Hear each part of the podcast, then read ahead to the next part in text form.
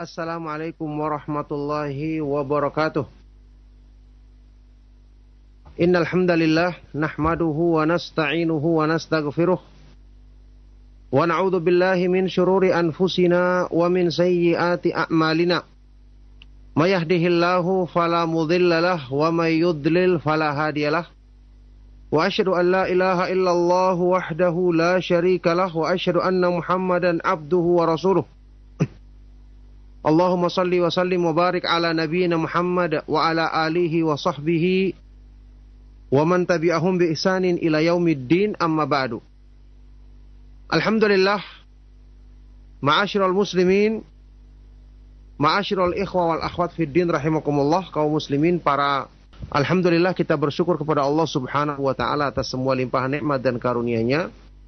Di pagi hari ini kita dipertemukan kembali ya di dalam suasana bulan Ramadan.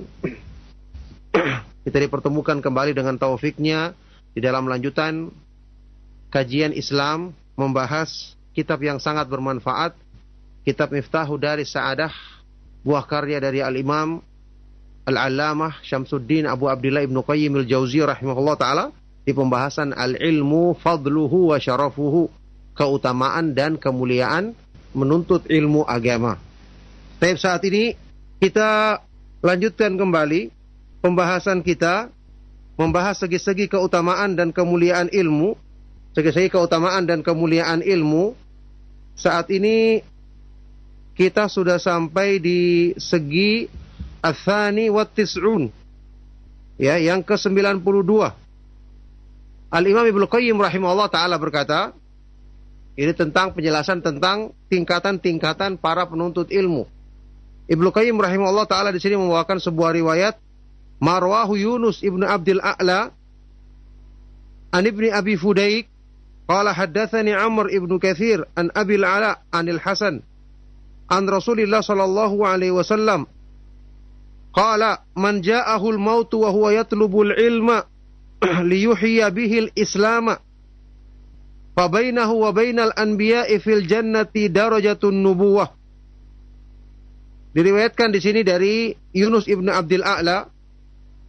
Kemudian dengan sanatnya sampai kepada Al Hasan Al Basri dari Rasulullah Shallallahu Alaihi Wasallam diriwayatkan bahwa beliau bersabda, barang siapa yang ketika datang kepadanya kematian, dia sedang menuntut ilmu dengan tujuan untuk menghidupkan Islam, maka antara dirinya dan para nabi alaihi wassalatu wassalam di surga nanti ada derajat kenabian. Ya, ini riwayat yang dibawakan di sini dikeluarkan oleh Imam Ibn Abdul Bar di dalam kitab Jami' Bayanil Ilmi wa Fadlih. Akan tetapi jelas sekali di sini uh, riwayatnya dari Al Hasan Al Basri dari Rasulullah SAW riwayat yang mursal ya riwayat yang terputus maka ini juga bukanlah merupakan hadis yang sahih dari Rasulullah Shallallahu Alaihi wa alihi Wasallam. Kata Ibnu Qayyim selanjutnya, ada ruya bin hadis Ali ibnu Zaid ibnu Jud'an an Sa'id ibn al-Musayyib an Ibni Abbas an Nabi sallallahu alaihi wasallam juga yang semakna dengan ini diriwayatkan dalam hadis lain dari riwayatnya Ali ibnu Zaid ibnu Juda'an, ini rawi yang dhaif, yang lemah. Dari Sa'id ibnu Musayyib, dari Ibnu Abbas, dari Nabi Shallallahu Alaihi Wasallam. Ini juga tentu riwayat yang ya ada kelemahan padanya. Ya. Ibnu Qayyim kemudian mengomentari riwayat ini beliau berkata, "Wa hadza wa in kana la yathbutu isnaduhu fala yab'udu ma'nahu min as-sihhah."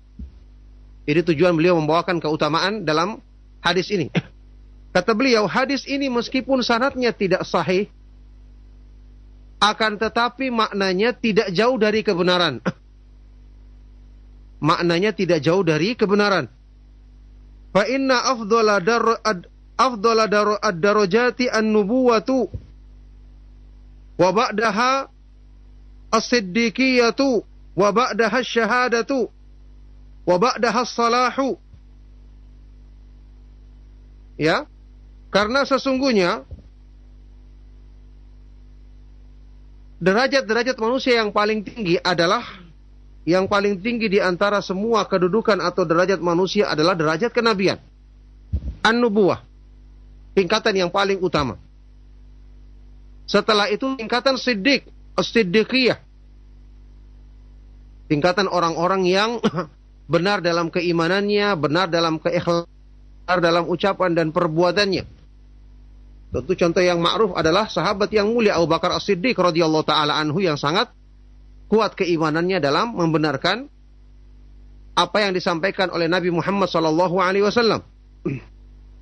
Setelah tingkatan as-siddiq, tingkatan as-syahadah, orang-orang yang mati syahid. Kemudian setelah itu orang-orang yang saleh secara umum.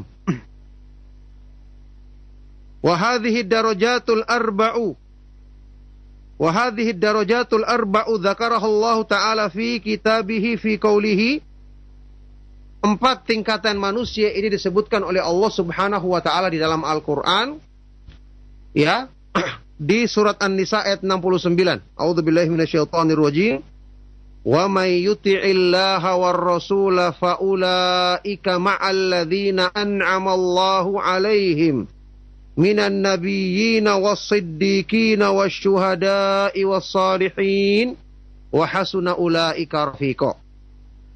Barang siapa yang taat kepada Allah dan Rasulnya, bersama akan dikumpulkan bersama orang-orang yang Allah telah berikan nikmat, sempurnakan nikmat bagi mereka dari kalangan para nabi yang paling tinggi kedudukannya, kemudian para siddiq, kemudian orang-orang yang mati syahid, kemudian orang-orang yang soleh secara umum, wahasuna ulaika rafiqo dan mereka adalah sebaik-baik teman.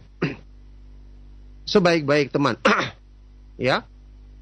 Nah sekarang kata beliau, Paman talabal ilma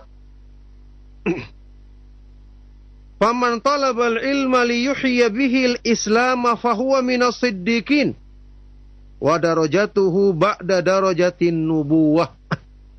Kalau begitu, kenapa dikatakan riwayat tadi tidak jauh dari kebenaran? ya, orang yang menyebarkan ilmu, belajar agama tujuannya untuk menghidupkan Islam, untuk mendakwakan Islam dikatakan antara dirinya dengan derajat kenabian di surga nanti ya hanya berbeda dengan derajat kenabian saja. Dia menempati kedudukan setelah kedudukan para nabi. Kata Ibnu Qayyim di sini, barang siapa yang menuntut ilmu dengan tujuan untuk menghidupkan Islam. Apa artinya menghidupkan Islam? Mendakwakannya, ya setelah memahaminya, mengamalkannya pada dirinya, kemudian mendakwakannya agar manusia mengenalnya dan berpegang teguh dengan keindahan Islam ini, barang siapa yang menuntut ilmu untuk menghidupkan Islam, maka dia termasuk orang-orang yang siddiq. Masya Allah, ini poin penting sekali. Man talabal ilma liyuhya bihil islam fahuwa minas siddiqin. Wa darajatuhu ba'da darajatin nubuwah. Dan kedudukannya adalah setelah kedudukan para nabi alaihi musallatu wassalam. Faman talabal ilma liyuhya bihil Islam fahuwa minas siddiqin. Barang siapa yang menuntut ilmu niatnya untuk belajar Islam, memahami dan mengamalkannya, kemudian mendakwakannya kepada manusia. Maka dia adalah minas siddiqin. Termasuk orang-orang yang siddiq yang kedudukannya adalah setelah kedudukan para nabi alaihi musallatu wassalam. Tentu saja, ma'asyiral muslimin rahimakumullah, ucapan seperti ini dinukil dari para ulama salaf saya sampaikan beberapa kali dari pernyataan Imam Ibnu Mubarak rahimahullah taala, Abdullah Ibnu Mubarak Al-Marwazi yang pernah mengatakan la a'lamu ba'da nubuwati darajatan afdhal min bathil ilmi. Aku tidak mengetahui setelah tingkatan kenabian kedudukan yang lebih utama dibandingkan orang-orang yang menyebarkan ilmu. Orang belajar ilmu agama kemudian menyebarkannya dengan pemahaman yang benar kepada manusia. Ini adalah tingkatan yang paling mulia setelah tingkatan para nabi dan para rasul alaihi wassalam. Oleh karena itulah para ulama disebut sebagai apa? Warathatul anbiya, pewarisnya para nabi. karena mereka mewarisi ilmunya para nabi, kemudian juga mewarisi tugas mereka dalam hal menghidupkan Islam, mengamalkannya, kemudian menyebarkannya kepada kepada umat ini. Baik. Maka jelas ini merupakan kedudukan kedudukan yang sangat tinggi. Segi yang berikutnya sekarang, al-wajhu thalith wa tis'un, segi yang ke 93. Tentang keutamaan ilmu di segi ini, Ibnu Qayyim rahimahullah taala membawakan di sini qala al-Hasan fi qoulihi taala, pernyataan dari Imam Al-Hasan Al-Basri, imam besar dari kalangan tabi'in yang terkenal, Al-Hasan Ibnu Abil Hasan, Al-Hasan Ibnu Yasar Al-Basri rahimahullah taala, ketika beliau mengomentari firman Allah Subhanahu wa taala di surat Al-Baqarah ayat 201. Rabbana atina fid dunya hasanah. Ya wa minhum may yaqulu Rabbana atina fid dunya hasanah wa fil akhirati hasanah wa qina adzabannar. Ayat ini. Al-Baqarah 201. Ketika beliau mengartikan Rabbana atina fid dunya hasanah, ya Allah berikanlah kami di dunia ini hasanah, kebaikan. Kata Al Hasan Al Basri, ya, hiyal ilmu wal ibadatu kebaikan di dunia adalah ilmu dan ibadah. Ya, ini ilmu dan mengamalkannya, ilmu yang bermanfaat dan amalan soleh. ya, ilmu dan ibadah. Wafil akhirati hasanah dan anugerahkanlah kepada kami kebaikan di akhirat. Hiyal jannah. Maksudnya adalah surga.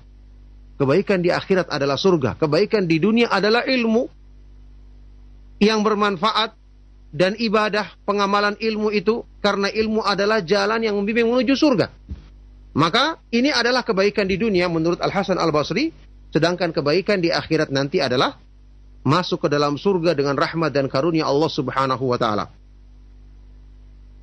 Kata Ibnu Qayyim rahimahullah taala mengomentari tafsir dari Al Hasan Al Basri ini rahimahullah taala, "Wa min afsani tafsir wa min ahsani tafsir." Fa inna ajallal hasanati dunya al ilmu nafi'u wal amalus salih. ya. Ini adalah termasuk sebaik-baik tafsir tentang ayat ini. Kenapa? Karena sesungguhnya seagung-agung kebaikan-kebaikan di dunia adalah al-ilmu nafi' wal amalus salih. Ilmu yang bermanfaat dan amalan soleh. Ma'asyiral muslimin rahimakumullah. Jadi bayangkan saja seorang penuntut ilmu, seorang yang selalu menghadiri kajian, mendengarkan ceramah-ceramah yang bermanfaat, yang memahami Al-Quran dan Sunnah dengan pemahaman yang benar, pemahaman para sahabat radhiyallahu taala anum ajma'in, kita bayangkan betapa besar nikmat yang Allah berikan kepadanya. Sudah dengan itu, ya dengan izin Allah dia akan terbimbing, jalannya benar, dia akan memahami akidah, memahami tauhid, memahami iman dengan benar, beribadah juga dengan benar dengan taufik dari Allah Subhanahu wa taala. Di samping itu dia mendapatkan makna dari doa yang termasuk sebaik-baik doa yang disebutkan di dalam ayat ini, doa yang juga sering diulang diucapkan oleh Rasulullah Shallallahu alaihi wasallam. Minta kebaikan dunia akhirat. Ternyata makna dari kebaikan di dunia adalah ilmu yang bermanfaat dan pengamalannya, pengamalan ibadah, yaitu amalan soleh. Kata Ibnu Qayyim, ini adalah ajallul hasanati dunia, setinggi-tinggi, seutama-utama kebaikan, kebaikan yang ada di dunia. Nah, baik. Berikutnya al-wajhur rabi wa tis'un, segi yang ke-94.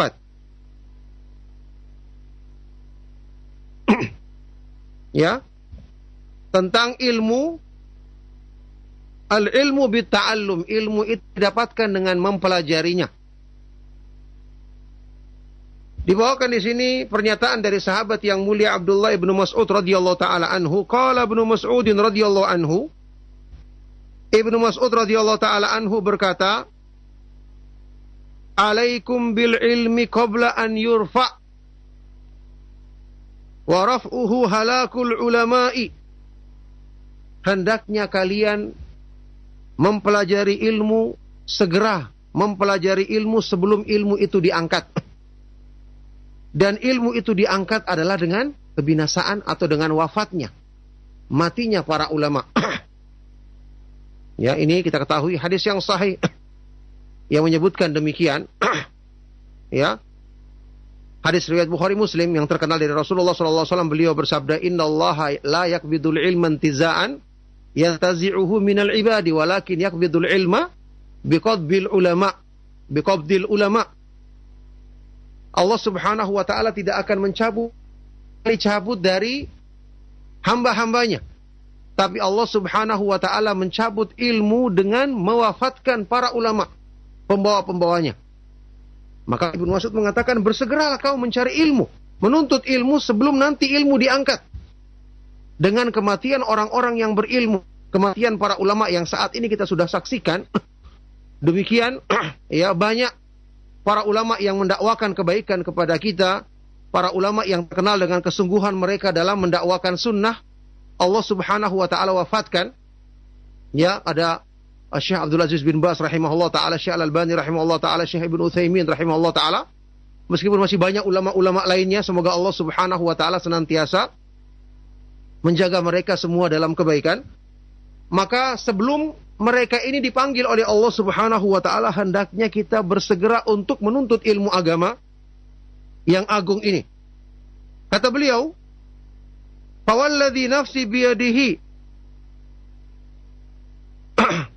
la yawaddanna rijalun kutilu fi sabilillahi syuhada'a an yab'athahumullahu ulama'a lima yarawna min karamatihim wa anna ahadan lam yulad aliman wa innamal ilmu bitta'allum.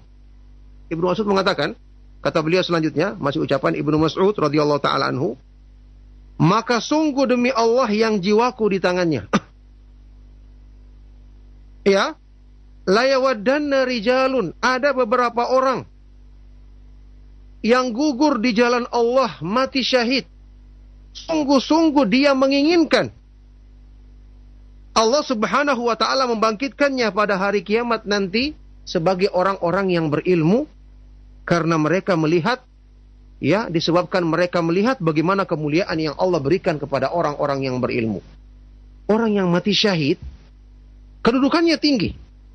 Kata Ibnu Mas'ud, tapi mereka ini mengangan-angankan ya untuk dibangkitkan sebagai orang yang berilmu karena mengetahui keutamaannya. ya. Dan sesungguhnya tidak ada seorang pun yang dilahirkan dalam keadaan berilmu, ilmu itu hanyalah didapatkan dengan mempelajarinya, dengan mengkajinya, dengan menuntutnya. Ya, ini menghadiri majelisnya para ulama, mendengarkan ilmu dari mereka, bertanya, kemudian membaca, tentu ada menuliskan ilmu tersebut, memahaminya, ya ini mendalaminya.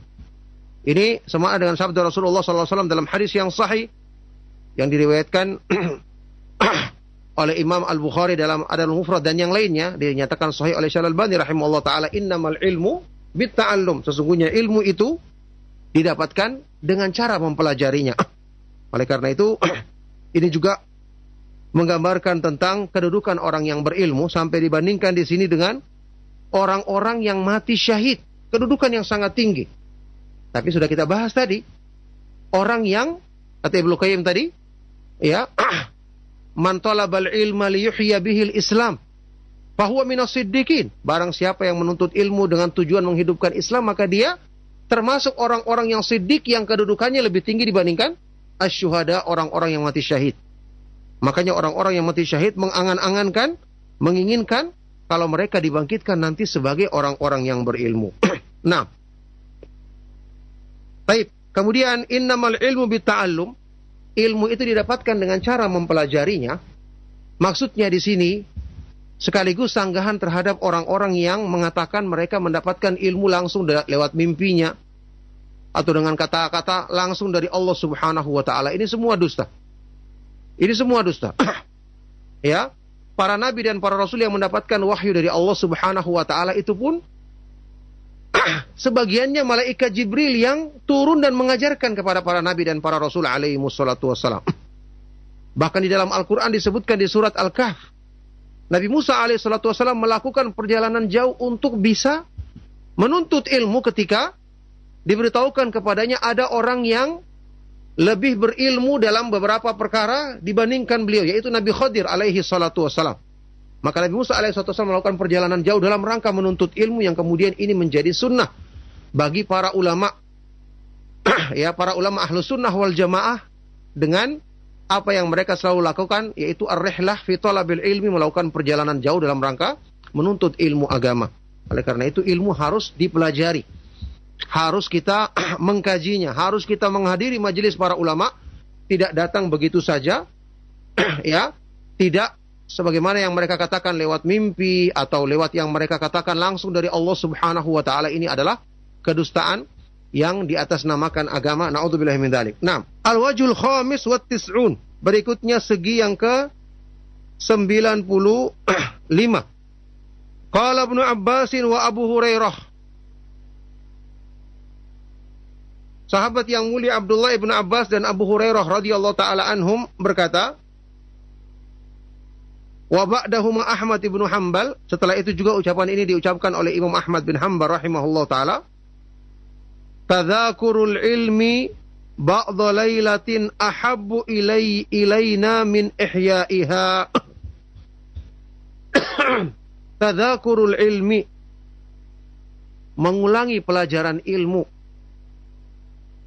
di sebagian malam lebih kami sukai daripada menghidupkan malam itu dengan ibadah yang lain. Ya. Tentu keutamaan salat malam sangat besar. Tapi sudah kita bahas kemarin pernyataan dari para ulama ahlus sunnah wal jamaah Syafi'i yang mengatakan ya laisa syai'un ba'dal faraidi afdala min talabil ilmi tidak ada satupun setelah amal-amal yang diwajibkan dalam Islam yang lebih utama dibandingkan amalan menuntut ilmu maka ini pernyataan dari dua sahabat yang mulia Abdullah ibn Abbas dan Abu Hurairah radhiyallahu taala anhum juga dari Imam Ahmad bin Hanbal rahimahullah taala yang mengatakan tadzakurul ilmi ba'da lailatin. Mempelajari ilmu, mengulangi pelajaran ilmu di sebagian malam lebih kami sukai daripada menghidupkan malam itu dengan beribadah. Tentu saja ini bukan berarti meremehkan ibadah. Mereka adalah orang-orang yang selalu sholat malam. Imam Ahmad bin Hanbal rahimahullah ta'ala yang bahkan mengingkari ketika melihat seorang penuntut ilmu tidak melaksanakan sholat di malam hari.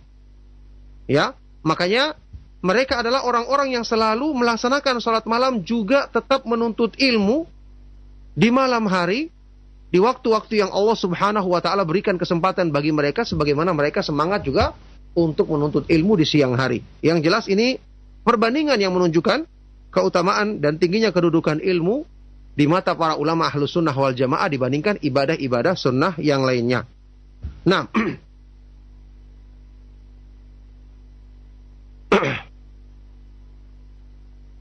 Baik, berikutnya Al-wajhu sadis wa tis'un. Yang ke-96.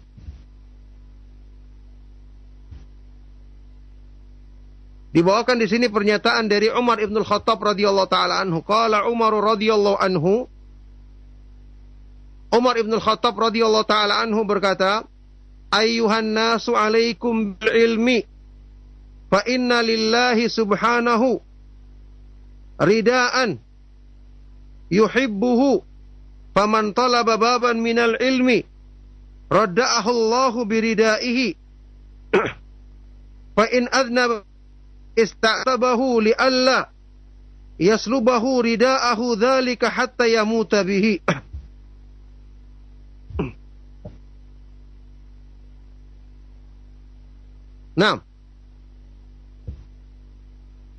Anhu.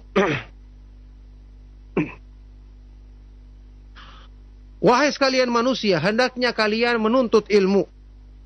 Karena sesungguhnya Allah Subhanahu wa taala memiliki sebuah selendang yang dicintainya. Maka barang siapa yang mempelajari satu bab dari ilmu, Allah Subhanahu wa taala memakaikan baginya selendang tersebut. ya. Kalau hamba ini berbuat dosa, maka Allah Subhanahu wa taala akan menegurnya. yakni Allah Subhanahu wa taala agar menegurnya agar dia segera bertobat dari dosanya. Li Allah tidak mencabut selendang tersebut sehingga hamba ini mati ya meninggal dunia Allah Subhanahu wa taala wafatkan dengan tetap selendang itu ada pada dirinya. Allah Subhanahu wa taala memberikan taufik agar selendang kemuliaan ini terus pada hamba, ada pada hamba yang menuntut ilmu tersebut. Qultu kata Ibnu Qayyim rahimahullah taala wa isti isti'tabullahi abdu an yatruba minhu an yu'tibahu ayyuzi ayyuzila atbahu alaihi bitaubati ari wal inabati fa idza anaba ilaihi rafa'a anhu atbahu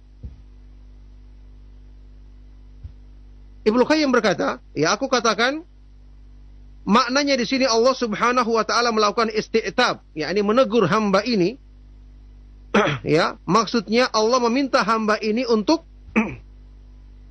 menghilangkan celaan pada dirinya. Dengan cara bertobat, memohon ampun dan kembali kepada Allah. Jika hamba ini telah kembali kepada Allah, maka Allah akan hilangkan celaan itu. ya. Berarti di sini fayakunu qad atbahu alih. Maka berarti Allah Subhanahu wa taala telah menghilangkan celaan pada dirinya. ya, yakni dengan Allah Subhanahu wa taala memberikan taufik kepadanya untuk segera bertobat, memohon ampun dan kembali kepada Allah Subhanahu wa taala. nah, ini juga disebutkan di dalam sebuah asar yang lain dari Ibnu Mas'ud radhiyallahu taala anhu, wa waqa'at zalzalatun bil Kufah ketika terjadi di negeri Kufah gempa bumi yang dahsyat ketika itu Ibnu Mas'ud radhiyallahu taala anhu berkata inna rabbakum yasta'tibukum fa'atibuh. Sesungguhnya Allah Subhanahu wa taala sedang menegur kalian. Ya sedang menegur karena celaan yang kalian lakukan ya ini dosa. Fa'atibuhu maka hilangkanlah celaan tersebut yakni segeralah kalian kembali dan bertobat kepada Allah Subhanahu wa taala. Yang jelas ya ini menjelaskan makna tingginya kedudukan orang-orang yang menuntut ilmu ya.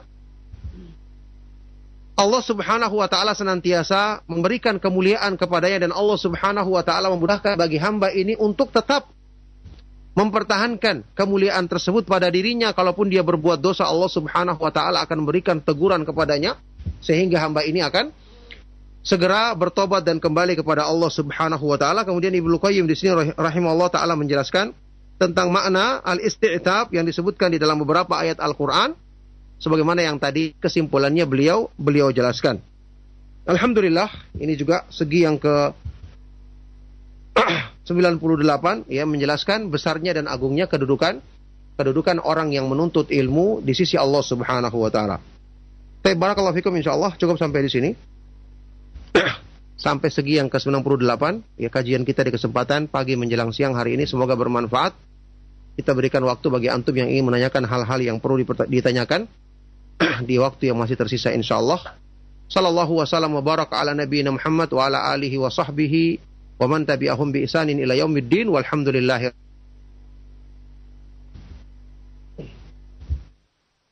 Barakallah khairan barakallahu fik atas materi yang kami sampaikan kesempatan pagi hari ini. Kota Islam azan ya Allah wa yakum. Kita buka sesi interaktif soal jawab dan bagi Anda yang ingin bertanya secara langsung, Anda bisa menghubungi kami di 0218236543. Ya, silakan untuk yang pertama, line telepon.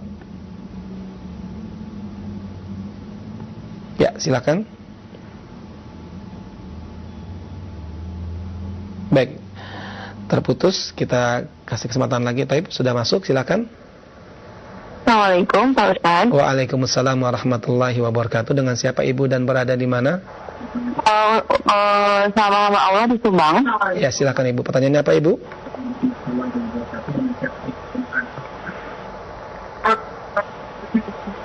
Silakan ibu. Uh, ini pertanyaannya boleh di luar tema nggak? Iya silakan ibu.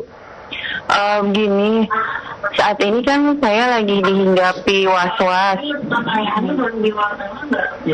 Ya, terus Ibu mohon maaf cukup fokus ya? dengan telepon saja Bu. Jadi televisinya ya. dimatikan saja biar Ibu tidak oh, iya, bingung. Uh, TV-nya boleh dimatikan.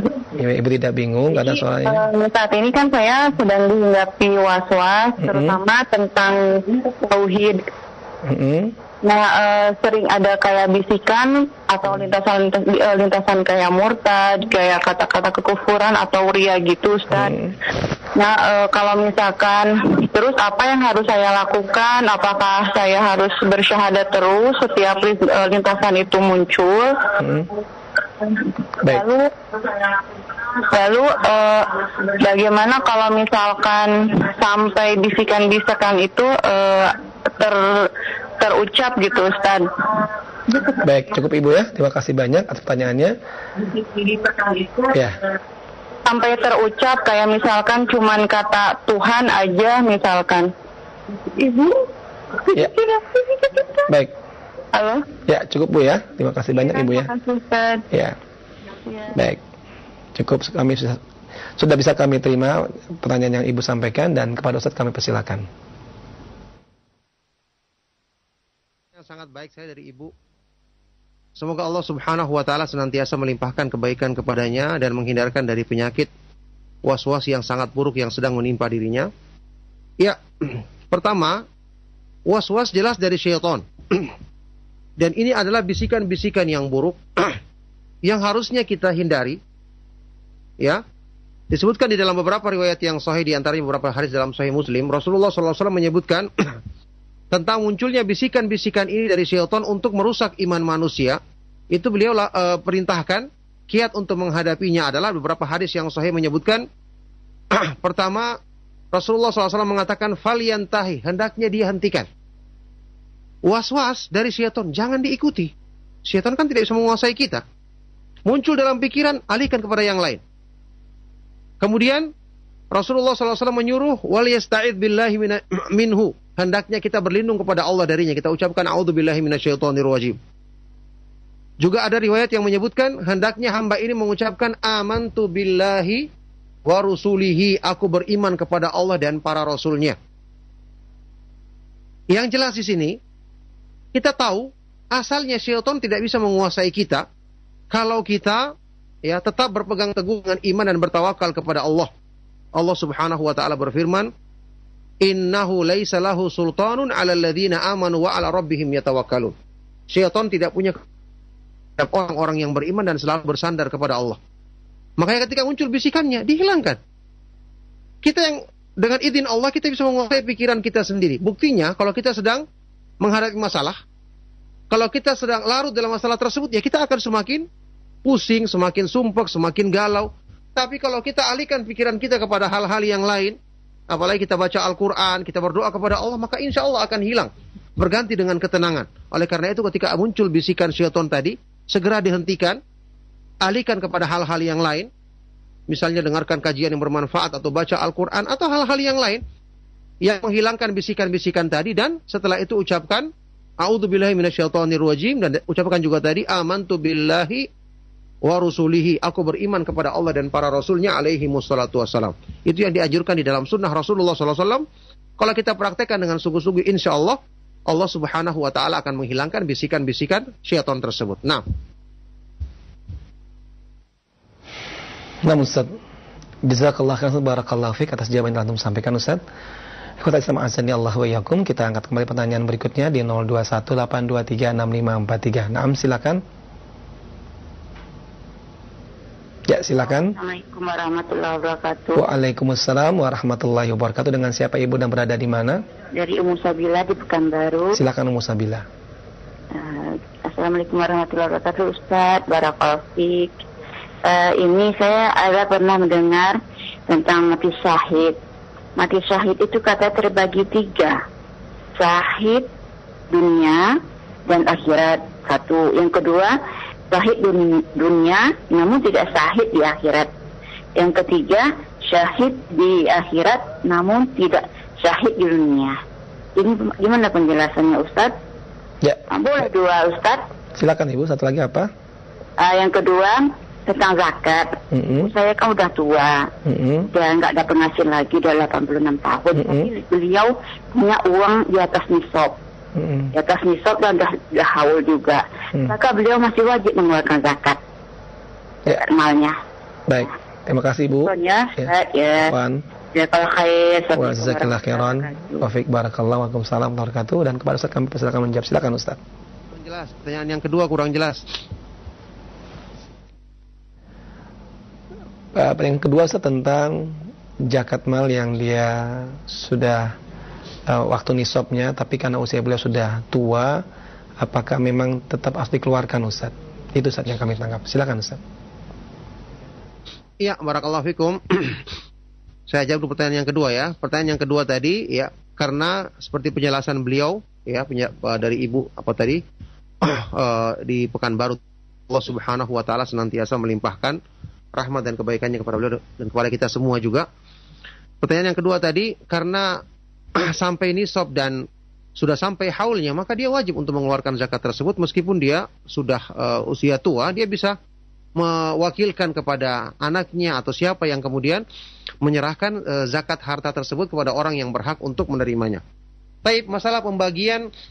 Yang pertama tadi pembagian mati syahid tadi, ya karena memang Rasulullah Shallallahu Alaihi Wasallam menyebutkan ada amal amalan-amalan yang disebutkan di dalam hadis yang sahih bahwa itu bernilai syahadah meskipun ya bernilai mati syahid kedudukannya seperti mati syahid meskipun dia meninggalnya bukan berperang di jalan Allah Subhanahu wa taala.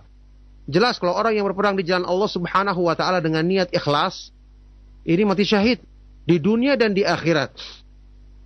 Ada juga orang yang berperang di jalan Allah Subhanahu wa taala tapi tidak ikhlas niatnya niatnya adalah untuk dipuji atau karena urusan dunia yang lainnya, mungkin di mata manusia dia dinilai syahid. Syahid di dunia, tapi di sisi Allah Subhanahu wa taala yang Maha mengetahui niat manusia, maka dia bukanlah orang yang mati syahid. ya. Ada juga amalan-amalan yang Rasulullah SAW sebutkan kedudukannya seperti orang yang mati syahid. Contoh seperti orang yang mati karena wabah.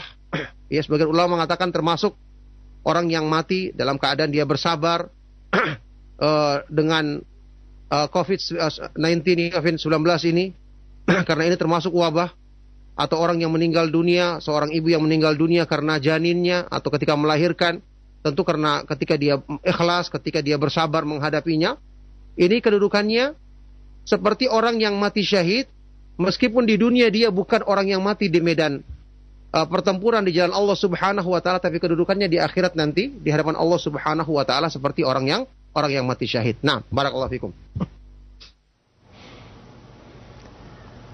Nam Taufik Barakallah Jazakallah karena atas, atas jaminan Antum sampaikan Ustaz Kota Islam azani Allah wa iyakum Kita angkat kembali pertanyaan berikutnya Di line telepon 0218236543 Satu pertanyaan terakhir di kesempatan pagi hari ini Silakan Assalamualaikum Ustaz. Waalaikumsalam warahmatullahi wabarakatuh. Dengan siapa ya. Ibu dan berada di mana? Dengan Umu Azim di Tanjung Enim Palembang Ustaz. Ya, Mu Azim. Silakan Mu ya. Ustaz, mau nanya ini definisi atau kriterianya orang menuntut ilmu itu yang bagaimana ya, Ustaz? Ana udah umur 60 tahun ini, Tad. Nah. Uh, tapi Ana rajin mengikuti kajian setiap subuh. Kadang-kadang yang mingguan, ada kajian mingguan. Terus hmm. baca-baca buku-buku sunnah dan sampai sekarang Ana masih uh, belajar membaca Al-Quran lewat online, Tad. Apakah itu termasuk uh, kategori menuntut ilmu, Tad? Nah tidak mesti mondok gitu menuntut ilmunya. Baik. Baik, terima kasih Ustaz. Assalamualaikum warahmatullahi wabarakatuh. Waalaikumsalam warahmatullahi wabarakatuh. Masya Allah. Barakallahu fiqh dan kalau Ustaz kami silakan san Ustaz. Ya, barakallahu fiqh pertanyaan sangat baik sekali dari ibu yang sangat semangat dalam pertanyaannya. Ibu yang di Palembang, semoga Allah Subhanahu wa taala senantiasa melimpah, melimpahkan rahmat dan kebaikan kepada beliau dan keluarganya juga kepada kita semua. Maka insya Allah apa yang ibu lakukan ini termasuk bagian dari menuntut ilmu. Ya semoga mendapatkan balasan keutamaan yang sempurna di sisi Allah Subhanahu wa taala. Tentu saja menuntut ilmu itu bertingkat-tingkat ya. Asalnya kita menuntut ilmu itu ya kita belajar dengan pemahaman yang benar Al-Qur'an dan Sunnah dan pemahaman salaf dari ustadz kita hadir langsung di mungkin di masjid atau di halako-halako pengajian yang ada di sekitar rumah kita. Ya kalau seandainya tidak ada maka melalui media-media uh, yang Allah Subhanahu wa taala mudahkan seperti di Rojak TV yang selalu kita ikuti atau di Rojak TV uh, eh, di Radio Rojak atau di Rojak TV misalnya atau ceramah-ceramah rekaman yang bermanfaat lainnya yang menjelaskan tentang uh, pemahaman Islam berdasarkan pemahaman para sahabat radhiyallahu taala anhum ajma'in. Belajar ilmu yang sangat agung kedudukannya. Oleh karena itu, ya, seorang penuntut ilmu tidak mesti dia misalnya dikatakan menuntut ilmu adalah orang yang hanya berada di pondok pesantren saja. Tidak mesti demikian. Meskipun tentu ini adalah eh, orang-orang uh, yang lebih fokus dalam menuntut ilmu, jelas keutamanya lebih besar. Ya salah seorang sahabat radhiyallahu taala anhu berkata, "Kun aliman au muta'alliman au mustami'an, wala takun rabi'an." Jadilah kamu orang yang seorang ulama berilmu atau penuntut ilmu atau mustami sekedar mendengarkan ilmu mengikuti kajian mendengarkan nasihat-nasihat yang bermanfaat ini juga termasuk dari kalangan orang-orang yang beruntung ya. Maka jangan sampai kita jauhkan diri kita dari nasihat-nasihat yang bermanfaat apalagi yang menyangkut masalah iman masalah akidah yang benar masalah tauhid masalah yang berhubungan dengan amal-amal yang wajib dalam dalam agama kita. Ini kita harus uh, berikan waktu kita agar kita bisa menuntut ilmu yang bermanfaat ini agar kita termasuk ke dalam golongan orang-orang yang menuntut ilmu yang keutamaannya sudah kita jelaskan demikian tinggi dari pernyataan yang kita sampaikan dari ucapan Ibnu Qayyim rahimahullah taala dalam kitab yang sangat bermanfaat ini. Barakallahu fikum inilah pertanyaan yang terakhir di kesempatan kajian kita di pagi hari menjelang siang hari ini semoga bermanfaat dan menjadi bekal kebaikan untuk dunia dan akhirat kita. Mohon maaf atas segala yang salah dan kurang kami cukupkan. Sallallahu wasallam wa barak ala nabiyina Muhammad wa ala alihi wa sahbihi wa man tabi'ahum bi isanin ila yaumiddin. Walhamdulillahi rabbil alamin. Subhanakallahumma wa bihamdika asyhadu an la ilaha illa anta astaghfiruka wa atubu ilaik. Wassalamualaikum warahmatullahi wabarakatuh.